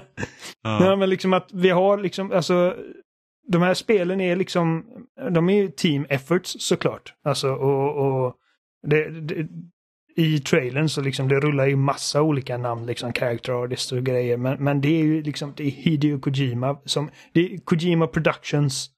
Och jag tror inte att det finns någon annan enskild människa i industrin som bär som vikt. Liksom att bara, bara bekräftelsen, ja, ah, jag håller på med någonting. Se fram emot det och folk kommer bli helt galna. För mig var den största grejen var att efter den här trailern så bekräftade han att han utvecklar ett nytt espionage actionspel. Um, Yes. till Playstation. Som, alltså vi vet ju ingenting om det annat än att han säger att det kommer typ vara kulminationen av min karriär. Um, vilket, alltså det låter, låter ju helt, helt galet. Men, men liksom att få någonting som är lite mer åt det hållet som gjorde att man förälskade sig i mannens grejer från första början, Metal Gear Solid. Uh, det är jävligt spännande. Även om det kommer ju dröja hur länge som helst. Han säger att produktionen ja. kommer inte ens börja förrän Death Stranding 2 är klart. Nej, jag antar att det lär gå in i pre-production lite tidigare liksom och få koncept och sånt. Men sen Death Stranding 2 först och sen har ju det här eh, projektet med Xbox också. Ja, OD. Som kanske kommer till Playstation, vem vet? Precis. Men jag vet inte. Alltså, uh... och, och det här liksom han snackar om att oh, det kommer vara både ett spel och en film och jag bara alltså det gör mig lite nervös när han snackar för att så beskrev han liksom inte för även om typ Metal Gear Solid 4 är 50% mellansekvens och 50% spel så var det inte så han beskrev det och jag blev lite nojig liksom. Alltså för att jag... Alltså om, om OD är bara massa liksom nyllen som skriker mig i ansiktet så blir jag galen. Um, men jag, jag, jag, vet inte, jag, bara, jag, jag kollar på en sån här trailer som är typ nio minuter lång eller någonting. Och får så mycket plats. Helt enkelt för att han är en sån jävla galen visionär. Och jag bara tycker att det är ändå nice liksom att även i liksom de här stora AAA-utrymmena så finns det liksom utrymme för de här helt galna liksom verkligen en singular visionsspel liksom. Mm. Ja, och ingen gör riktigt spel, alltså Alltså Death Stranding är ju inte liksom som något annat stort, stort AAA-spel. Liksom. För jag kommer ihåg när det visades upp, jag bara, Gud vad kul det hade varit om man faktiskt gör en liksom, första riktigt AAA-budgetspel som är en walking simulator och det var det ju. Ja. Eh, mycket. Och, och jag gillar ju Death Stranding. Jag tycker att det var liksom jättespännande att spela och jag älskar liksom konceptet. Även om jag kände liksom att en gång kanske räcker för min egen del. Jag kommer spela Death Stranding 2 så det, det, är mm. ingen tvekan om det. Eh, med världens fulaste undertitel.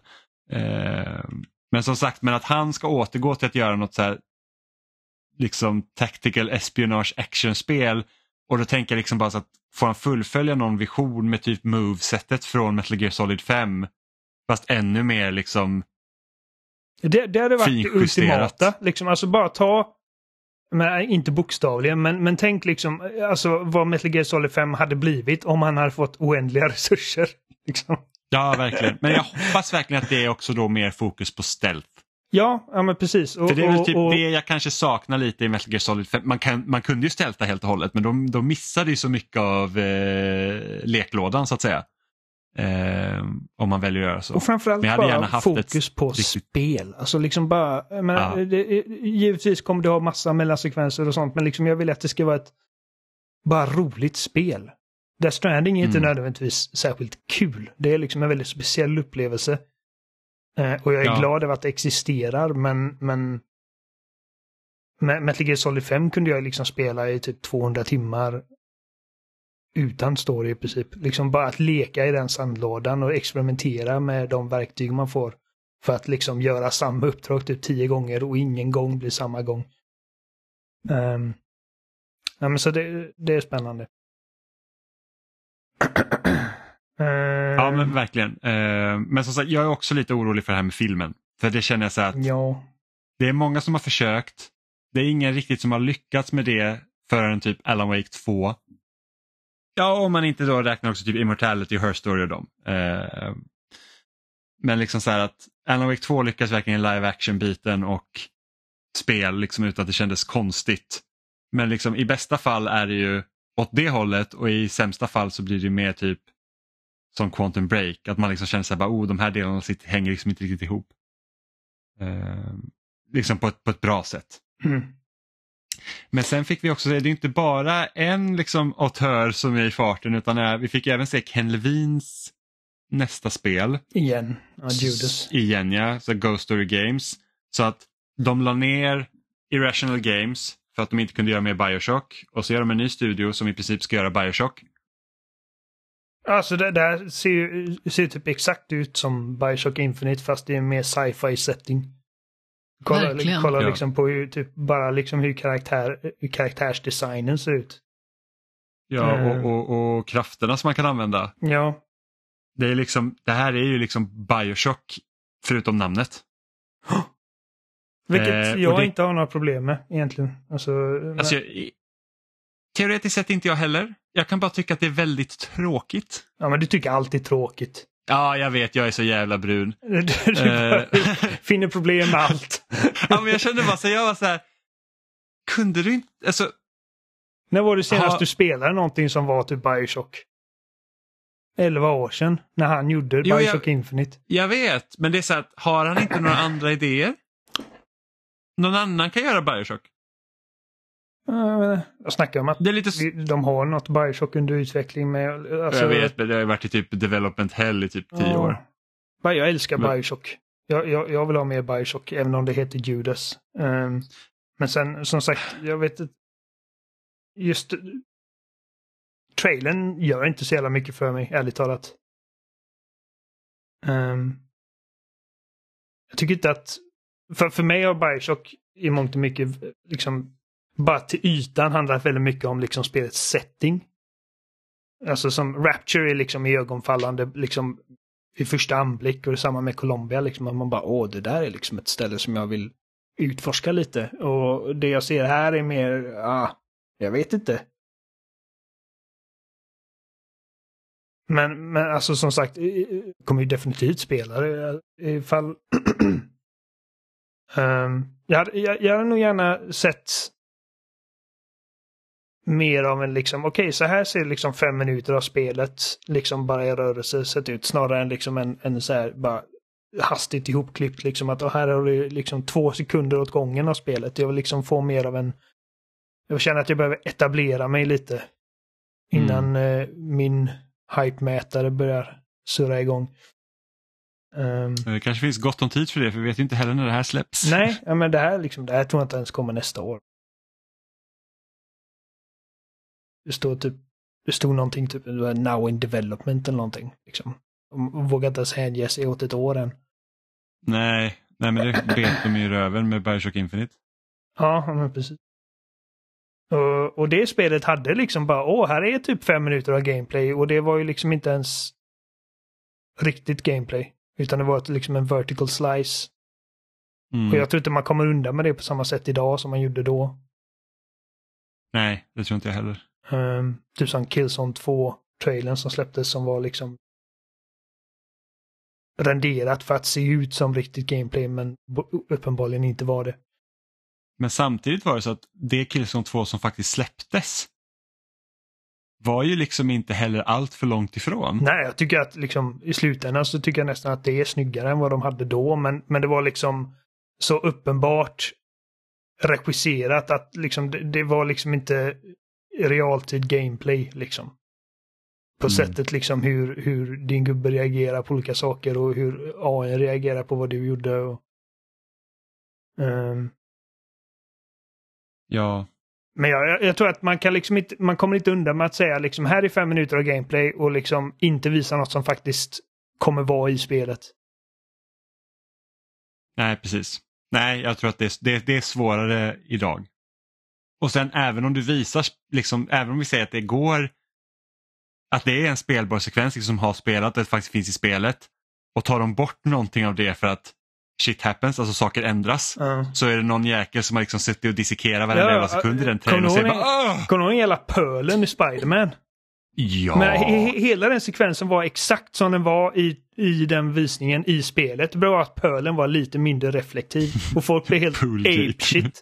Liksom, ja. Um, om vi har grejer som typ Digital Foundry som sitter och liksom verkligen hård analyserar de här grejerna. Ja, nej, det, det är svårt. Det är som typ, eller typ det här är lite, lite ett annat fall, men typ den första trailern för Dead, Dead Island. Som verkligen var liksom, åh, det här kommer vara liksom ett väldigt känslosamt ja till, till who, who do you voodoo bitch? Ja, precis.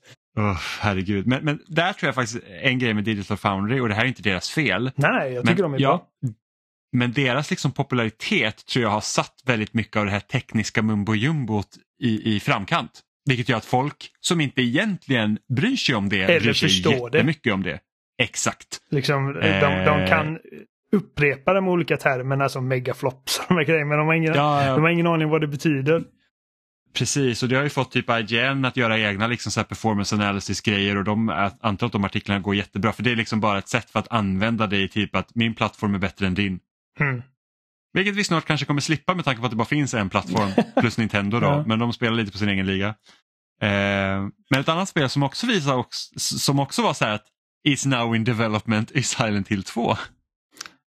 Ja, det ser ju lite mer far, eh, far along ut. Jag vet, men det, fick, det var heller inget datum så jag, jag tvivlar Nej. på att det släpps i år. Nej, jag tror inte. Eh, vilket kan vara både tur för mig, för att jag har ju bettat på det här i vår liga Ja, och det är så här att jag kanske tjänar bättre på det om det inte släpps än om det släpps och det är dåligt. precis. Men nu är så här, jag tyckte inte att det såg dåligt ut. Alltså jag personligen förstår inte riktigt dem, Ah, hur folk jag liksom tyckte har... inte det såg bra ut. Alltså jag, alltså jag vet inte, jag, jag, jag, jag, kan, jag har väldigt svårt att se liksom att de reaktionerna som, som den här trailern har fått. Från att liksom vara så typ, Kan- måste bara det här ser ut som skräp. Det Och jag, kan- bara, jag, jag, jag ser det inte och jag har sett den här trailern flera gånger nu och jag, så här, jag vet inte vad som är så dåligt med den. Nej, skräp skulle jag inte säga att det ser ut att vara eh, på långa vägar. Absolut inte. Jag tror bara att liksom jag och många liksom, fans av det här spelet håller det här spelet så högt upp till skyarna. Liksom, alltså det är... Som sagt, vi har pratat om det här förut. Liksom, det, det är inte sällan man ser Silent Hill 2 liksom ranka så här, ganska högt på så här, typ top 100 best games ever made. Mm. Ehm, och eh, det är ett spel som hänger så mycket mer på atmosfären och storyn och en förståelse över liksom tematiken i psykologin bakom protagonisten än vad det gör i liksom, åh, kolla här när jag bara liksom skjuter ihjäl monster på, på löpande band. Och det var ju lite det den här trailern var. Det var liksom, här, så här ser actiondelarna ut i det här spelet. Mm. Eh, och jag förstår att man, man kan inte göra en remake av Silent Hill 2 i en liksom... Särskilt idag där remakes är så populära och ändå får man säga så pass framgångsrika. Inte bara liksom försäljningsmässigt utan också liksom i utförandet. Liksom alltså, vad Capcom har gjort med tvåan, trean och fyran med Resident Evil har, ju varit riktigt... Ja, trean i mindre utsträckning men det är ändå liksom ett bra spel. Men tvåan och fyran så här, riktiga smash hits verkligen. att Jag vet inte hur man hade kunnat göra mycket bättre remakes av de spelen år 2023 eller bla bla när de släpptes. Um, så att ribban för liksom moderna remakes och särskilt då remakes av gamla skräckspel är jävligt hög. Och jag tror att ett, ett sentiment som jag såg mycket på Twitter efter den här trailern var liksom att Wow, snacka om att missa poängen med Silent Hill 2 och bara visa liksom massa action. Å andra sidan Mm. så är det en, en av de grejerna som verkligen har åldrats rätt risigt med det spelet. Men det funkar. Ehm, men det är jävligt liksom klumpigt. By design såklart. Alltså det var ju liksom... Det var ju... Det var ju absolut eh, meningen när de gjorde det, liksom striderna i det spelet. Att det skulle vara liksom att du känner dig försvarslös i, i, i, visst, i viss utsträckning. Mm. Ehm, och det är svårt att göra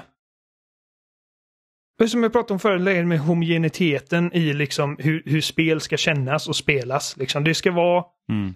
ja du har det i ditt vapen, kameran ska vara över axeln och när du håller in vänstra triggern så siktar du och när du trycker på den ö, högra så skjuter du. Och liksom det är så det ska vara. Liksom, det är bara, allt annat har liksom ratats av en större publik.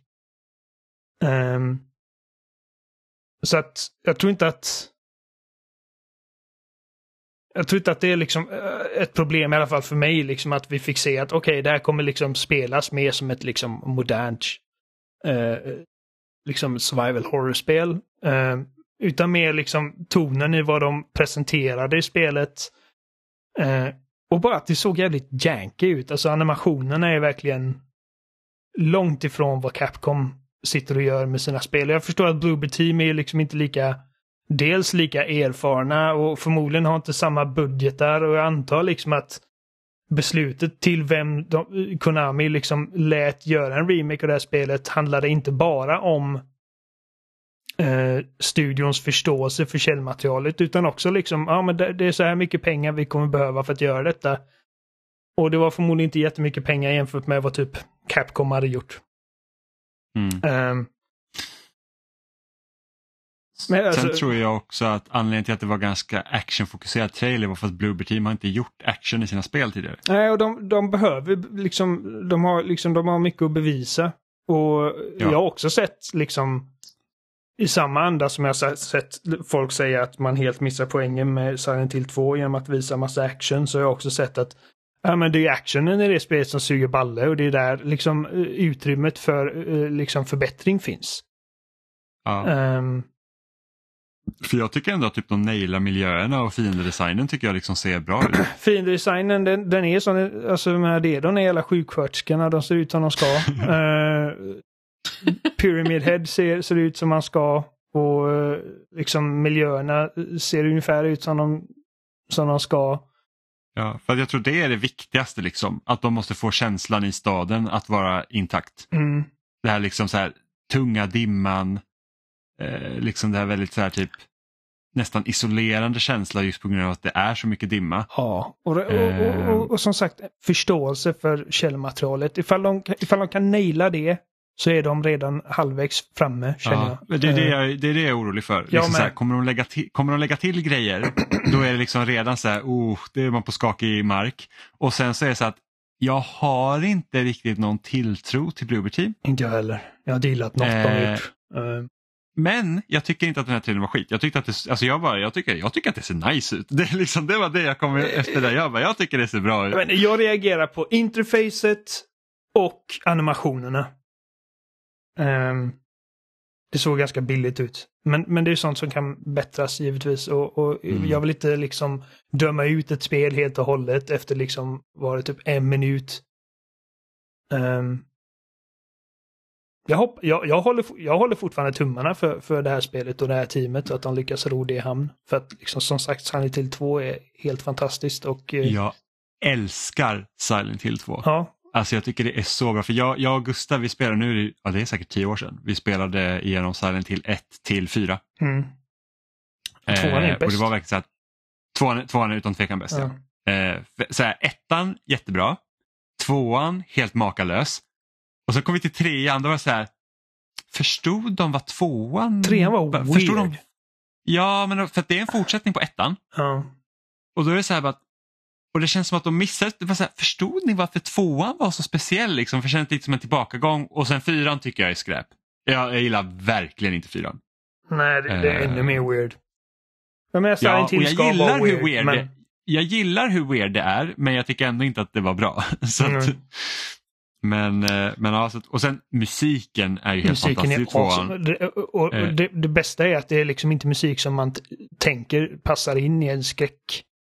Nej. Alltså det, det är liksom nästan så här typ uh, så här lo-fi indie-rock. Liksom. Ja, verkligen och det är typ så här, alltså man kan, det, det är nästan här, liksom typ 90-tals, alltså väldigt mycket så här 90-tal känns det som. Mm. Eh, och det clashar egentligen inte modern, alls med liksom, modernisera den musiken och bara åh, det här ska låta som, som att det släpptes i år. Liksom. Ja, nej, nej, det hoppas jag verkligen inte. Jag har ju Silent Hill 2 soundtrack på vinyl Ja, hemma. Eh, för att liksom den är så, alltså det är så himla bra. Eh, det känns lite som ett intro till en 90-talsserie. Liksom att det kommer så här, nu får vi se alla som är med i, det, i, i den här serien. du Ja, vet. Eh, Men det är också lite så här drömskt och melankoliskt utan att liksom vara helt liksom i moll. Och... Ja, eh, eh, Silent Hill 2 är skitbra. Och det är liksom, och varje liten detalj i det spelet är så liksom knutet till James Sunderland som karaktär. Liksom att varje fiende är liksom en manifestation av liksom hans psyke på något sätt. Mm, Eh, och det har en skitbra twist. mm. Eh, James Sunderland ser dock jättekonstig ut i det här Han ser spelet. Det, det, liksom, det, det kan jag ge att han, han ser märklig ut. ja, det gör han. Eh, På vilket sätt ser han märklig ut? Han ser lite ut som en vaxdocka där liksom typ kinderna börjar smälta lite. Det låter obehagligt. Liksom, Ja men det, Ja. det är också, ja men det, ja, men det, det är liksom det, det är typ uncanny valley-grejen som jag snackade om, liksom att han rör sig jävligt stiltigt och liksom bara, bara känns inte som, känns inte äkta på något sätt. Mm. Men jag, jag älskade Deadly Premonition och det jävla spelet det spelas som Det är skit. styltigt. Ja. Det, det, det är riktigt jävla skräpigt på många sätt och vis men det är fantastiskt bra. Eh, så det, Jag ja. håller tummarna. Uh, Jag det med. här jag gratisspelet de också utannonserade som är liksom uppenbart bara Åh, vi försöker kamma in eh, brow, eh, så här brownie point för PT. Nej, det, det ska ju ha varit jättedåligt. Det, ser, det så, såg verkligen skräpet ut. Jag har inte testat det än. Mm. Nej, jag bara såg andra som har spelat det och de bara what's the point typ. De bara det här var liksom verkligen skit. Börjat liksom göra typ en så här grej av sociala medier i Silent Hill och man springer runt med sin smartphone. Jag bara fick avsmak direkt. Um, Åh nej. Uh. Ja. Var, var det något annat som ni såg som var spännande? Jag har pratat så mycket så jag låter Amanda säga något ifall hon har någonting. Som sagt, jag hade ju inte jättemycket tid att titta upp. Däremot så reflekterar jag över att Dave the Diver kommer att komma till Playstation. Ja, med Ska du ta. Platinum? Alltså jag vet inte om jag kommer göra det, men eh, det var det jag liksom reflekterade över. Det var en av de sakerna som jag hajade till på när jag lyckades kika upp någon gång i min krönika. Ja, min, min första fråga, tänk, tanke var ju såhär, åh kommer det till Xbox också? Och sen så bara, nu spelar det fan ingen roll längre. Kanske. så att vad fan, det är liksom potato potato. Eh, att, ja. De visar ju större presentationer av både Stellar Blade och eh, Rise of the Ronin. Eh, Alltså, jag vet inte riktigt det här med Stellar Blade, jag vet inte riktigt, ska man vara eh, intresserad av det? jag vet inte, ärligt talat. Det är jag liksom... blir lite så här, av någon, någon liten del i mig så här bara, det är lite intriguing men jag vet inte varför. Men det känns som att ja, det här är ett spel som påbörjar sin utveckling när Nier Automata kom ut. Liksom. du vet, nu kommer det ut. Uh, jag får verkligen Nier Automata-vibbar, liksom bara rent estetiskt och hur interfacet och så ser ut. Och att man är liksom typ en skimpig klädbrud med ett stort svärd som liksom hugger ner saker. Uh, och det kan gå liksom från att liksom ena sekunden så ser jag någonting bara fan vilken cool design det där monstret hade till jävlar vad fult designat det här spelet är. Eh, jag, jag, jag vet inte vad jag... Jag är inte såld på Stellblade. Jag, och då är det ändå liksom min genre lite. Um, Men det kanske får jättehöga betyg Oliver. Ja, men då- som med Bayonetta. ja. Du var ju såhär, Bayonetta ser ut som.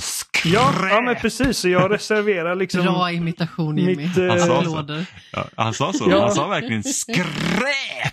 Ja, men det ser ju... Jag bara, alltså någon jävla brud vars hår blir typ en drake och hon har typ pistoler på hälarna och jag bara, fan Ja. vilket skit. Pistoler på hälarna var det enda man behövde säga för att jag var så här, jag var totalt såld på det. Jag bara, hon sköt med fötterna. Jag bara, det där måste jag Och spela. jag bara, jag, jag är mer sugen på Dantes Inferno. Vi, vi vet ju i efterhand vem som hade mer rätt i det. Jajamän. Eh, Men- To be fair så jag var också en Sonic-pojke när jag var liten så att eh, jag kan inte alltid få fullpottar. Eh, nej, men det, ja. På tal om Sonic, med, alltså Sonic Generations med Shadow. Eh, Mm. Sonic Generations är fortfarande typ det enda liksom Sonic-spelet som... Alltså så här 3D Sonic-spel, men jag tyckte Sonic Mania var jävligt bra, men... Sonic Generations är det enda liksom 3D Sonic-spelet som jag tycker, ja men det här är rätt bra. Och Sonic Generations är helt fantastiskt. och eh, först var jag lite osäker på, liksom, okej så kommer man kunna spela som Son Shadow i typ någon bana så, men det är tydligen liksom en hel kampanj för honom. Jag tycker Mm. Shadow är så jävla bajsnödig. Eh, Nej, nej, Shadow är så jävla cool. Alltså jag... jag Jag är på team Oliver här. nej, The- nej. the perfect alltså det var organism. så här. Man spelar Sonic Adventures 2 Battle och så var man Shadow han var så jävla fet. Alltså det var verkligen så här, bara, Åh, han är så Sonic fast han är svart. Och han det var liksom när man var, ja, precis när man var liten, det var verkligen så här, man bara, åh Sonic är, eller Shadow är så jävla cool. Och jag kommer ihåg Robin tyckte också Shadow var så jävla cool så vi båda var verkligen riktiga så här Shadow-vurmare och sen så folk bara, varför, varför tycker ni att han är cool? Han är ju bara en svart Sonic och vi bara, ja. Vet Nej, för jag såg att någon typ hade sagt också att det skulle finnas banor från typ Shadow the Hedgehog, alltså det spelet när han sprang runt med en jävla pistol. ja, Så det är liksom, kulspruta ja, skjuta nej, ihjäl folk. ja. men med tanke på att Sonic ganska mycket är hit or miss hela tiden så att jag ser faktiskt fram emot Sonic Generations. Man vet ju att det, alltså, det, det är originalspelet som vi vet är bra. liksom. Förhoppningsvis Plus- så är det, går det i 60 FPS på en Ja, gång. men exakt. Eh, Ja, för det, det var det största minuset med originalet var att det verkligen var så här att man bara det här hade behövt vara mer responsivt. Mm. Och sen... Du eh, nämnde ju Rise of the Ronin där i förbifarten också. Precis. Det är jag ju väldigt sugen på. Som sagt, det har ju varit lite så här smyg i bakgrunden egentligen. Det är ju någonting som inte har fått jättemycket uppmärksamhet, men jag ser ändå fram emot det. Och nu visar de ju liksom upp hur man liksom skiftade perspektiv från, vad var det, liksom från flygande till hästrygg och så vidare. Eh, jag, vet, jag, jag tycker att det, striderna ser lite för mycket ut som deras sen, senaste spel. Ehm, eh, som, eh, vad heter det? Wolong Uh, Wolong. och uh, Neo. Eh, som sagt, jag har sagt det här från dag ett att jag hoppas liksom att rent, rent mekaniskt så är det någonting mer åt Ninja Gaiden-hållet. Och det, Jag håller ju med dig där. Ja, och det verkar det inte vara. Det verkar fortfarande vara liksom du låser fast på en fiende och så har du liksom din light attack och din heavy attack grejer. Um, men jag är ändå, ändå öppen för att spela detta när det kommer. Ifall det liksom får hyfsade betyg. Jag hoppas nästan att det får pissbetyg bara för att Amanda har draftat det. Det är lugn Jag gillar att he hela vår så här, kritik där resten av året kommer bara vara så vem har draftat det här? Hoppas det går dåligt. Eh, Men om det blir bra så, så som sagt, eh, Team Ninja är duktiga och eh, jag tycker att det här, det här är, är mer konceptuellt tilltalande än vad Wolong var, tycker jag. Bara på Ja. förhand. Ja men det är det. Vi hade ju förmodligen inte spelat Wolong om inte det var på Game Pass. Nej. Eh, ja, nej, så det hoppas jag på. Uh, Dragon's Dogma 2 ser coolt ut. Um, det och Rise of the Ronin släpps samma dag, vilket känns lite tufft. Eh, Princess Peach släpps väl också samma dag? kanske det gör det. Jag är fan inte lite sugen på det alltså. Ja, det ser inte pjåkigt ut. Nej, men det är så att, ja. Jag tror att det första, ja just det, alltså Until Dawn, jag bara, fan, skräp. Uh, men, men det som... Uh, det enda spelet som verkligen fick mig att höja på ögon... Ja, okej, jag höjde en del ögonbryn på Death Stranding också, men, men inte för att jag inte visste att Death Stranding, men liksom som en överraskning så Metro Awakening VR. Uh, eh, ja så, så, Okej, så här, blir du förvånad över att det kommer ett Metrospel i VR eller blir du förvånad över att Sony ens liksom nämnde VR? ja, både och. Eller var du förvånad över att det kom ett Metrospel överhuvudtaget?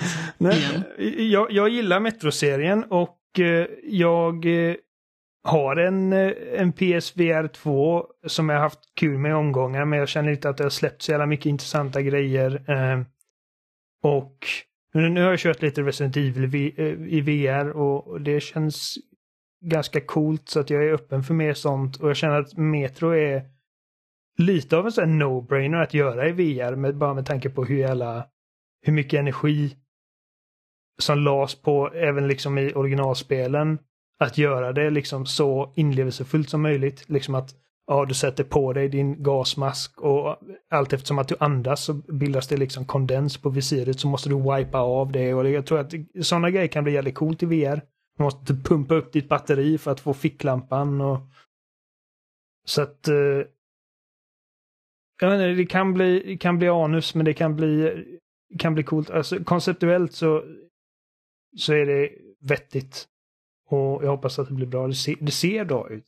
Alltså, stackars det andra VR-spelet som kom efter Metro. De bara har visat det här Legendary Tales först. För att det är, så, det är, så, det är verkligen grisfyllt i jämförelse. Um, så, någon stackars, nå- något skelett som blir liksom typ gangbangat. Um, också liksom, alltså. Vem döper sitt spel till Legendary Tales? Är inte det typ det mest generiska titel du har hört i ditt liv? Ja, men ja, sånt kan ju också hända. Någon har slumpgenererat fram två bra ord. Ja, ja, men precis. Så, som något, är, något RPG på 360 heter Infinite Undiscovery. Infinite Undiscovery. Och det är liksom så här, uh, vad, vad är det? Ehm, Jag såg bara nu att Phil Spencer har tweetat också att så här, We're listening and we hear you. We've been planning a business update event for next week where, where we look forward to sharing more details with you about our vision for the future of Xbox. Ja, det låter inte tuned." bra. Han det hade inte sagt bara- något ifall det var helt ogrundade rykten. Liksom. Nej, men ogrundat är det ju inte. Sen, sen undrar man liksom hur mycket av det som liksom ryktas är sant. Och det kan ju Mm. vara så att allt är sant. Eh, och det, är liksom, det, det kommer ju vara en väldigt stor grej som, som händer. Definitivt. Jo, Eh, så att vi får se om vi pratar om det nästa vecka eller nästa, vecka beroende på när de har sitt event. Då. Eh, det, blir, det blir spännande. Ja. Men eh, nu har vi pratat väldigt länge igen så att det har väl blivit dags för quiz. Och det är Amanda som har förberett frågan den här veckan. Det är det.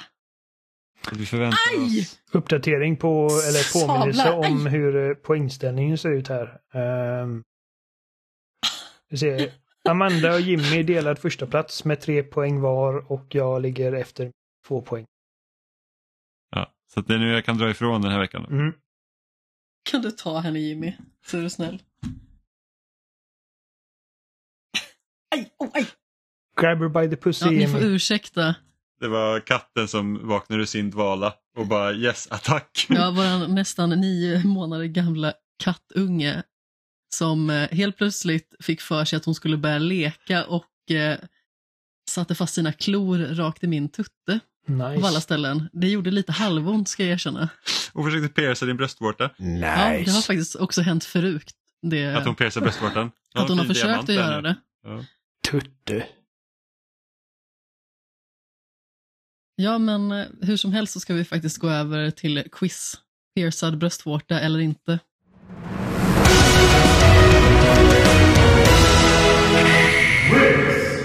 Och eh, fråga nummer ett för dagen är Termen flodsly har väl inte gått någon förbi när jag spelat Horizon Zero Dawn och Horizon Forbidden West. Nej. Men vad heter det egentligen på engelska?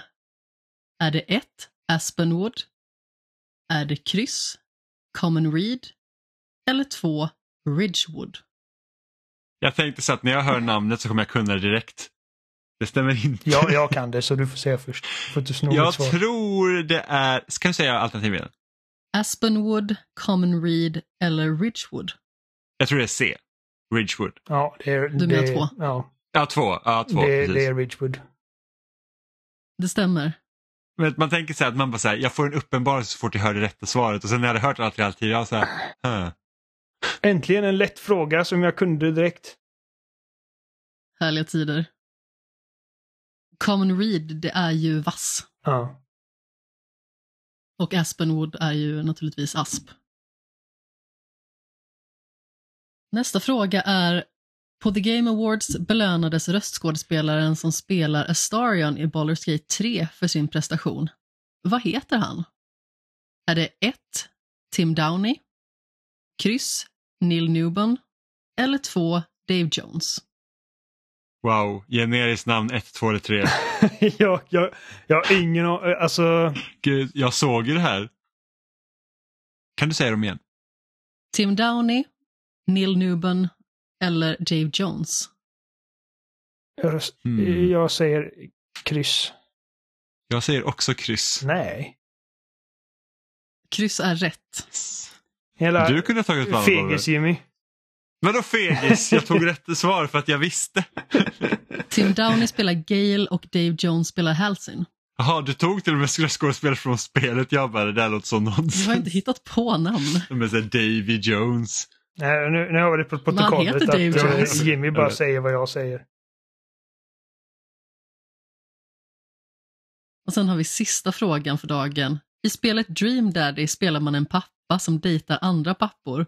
Men vad heter egentligen ens 18-åriga dotter i spelet? Är det 1. Alice, kryss Astrid eller 2. Amanda? Ja, Jimmy, du får svara först. Jag svarade faktiskt först på första frågan Oliver. Ja, men så att inte jag visste det. Inte. Jag tror att det är två, Amanda. Eh, jag kommer inte ens ihåg vad alternativen var, men eftersom att jag inte har någon, alltså den blekaste aning för att jag, jag, eh, jag har ingen aning, så jag, jag gissar eh, får hoppas att Jimmy har fel så gissar jag ett. Och det är två Amanda. Ah! Ah, jag har för mig att det var det som var så kul för att det var det var det, eftersom det var ditt namn.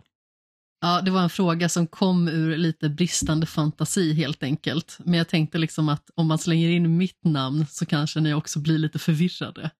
Jag trodde faktiskt att ni skulle vara lite mer säkra på Neil Newbon lite från början där. Ah, jo, med tanke vi, på att vi glöm, hade pratat om honom. vi glömde ju bort att Oliver är sånt hardcore Baldur's Gate 3-fan. Ja, precis. Nej, men han belönades ju faktiskt eh, på galan och vi kollade ju på den. Och vi Jo, men han, eh, alltså, hans namn han ju inte ens komma upp på skärmen innan han blev bortschasad. Så att, det- hur lätt var det? Jag, jag, Jag tyckte faktiskt att han höll sig ganska så bra där uppe om jag ska vara helt ärlig. När musiken började spela så stod han bestämt kvar och skulle säga det han ville säga. jag gissar på det som lät mest bekant. Uh, jag kommer Det är med. bara ditt undermedvetna vann igen. Precis. Det var nästan full pott där. För Jimmy var det full pott. Ja, det var det. Jo, men jag menar liksom för er båda. Eh, ja, så att... Uh, Jag uppdatera... hade för lätta frågor. Ursäkta, vad sa du, Amanda? Nu hade jag för lätta frågor. Nej, Ja, eh, inte för mig. De skulle varit lite lättare för mig. Och svårare för Jimmy. Det får du tänka på nästa. Du, får, tänka, vad, vad är störst chans att Oliver kan? Och minst chans att Jimmy kan? Uh, uppdatera poängställningarna. Jimmy har sex och jag har fyra. Nice. Så att eh, nu är Jimmy etta, jag är två, Amanda är. Och jag ska vinna i Vad år. hade jag nu igen? Du, har bara, du ligger bara en poäng under mig så du har tre. Ah, Okej. I år ska jag vinna inte bara vårt quiz utan även ligan. Ja, det hoppas jag inte du gör. Kommer vara Ja. odräglig. Jag är ju skitnervös på att Metro Prime 4 ska vara en launch-titel till Switch 2. Det, hop- För det, då blir det mycket minus. det Om hoppas det inte skulle visa sig att det spelet är helt Det skit. kanske är Och söndertrasat. Ja, jag vet inte. Eh, men nästa vecka i alla fall så kommer vi ha vår första uppdatering på ligan då i podden. Eh, så Adam kommer vara gäst igen. Eh, och vi kommer gå igenom lite så här att, hur, för nu har några spel släppts, hur ser ställningarna ut? Vad har vi vad har vi budat på och vad, vad, varför liksom. Och sen så vad vi tror framöver. Eh, blandat med allt annat vi också ska prata om. Som vanligt. Eh, men tack för att ni har lyssnat. Ni hittar oss som vanligt på spelsnack.com. Där finns också länkar till alla ställen vi finns som eh, Spotify, Apple Podcast, RSS-flöden. Eh, vi finns också på Facebook och Twitter, även Youtube. Ni kan mejla till oss på kontaktspelsnack.com eller byta ut kontakt i något av våra förnamn, spelsnack.com eller så kan ni surfa in på loading.se där också avsnitten läggs upp varje vecka. Så hörs vi igen nästa vecka. Hej då! Puss i ljumsken. Hej då.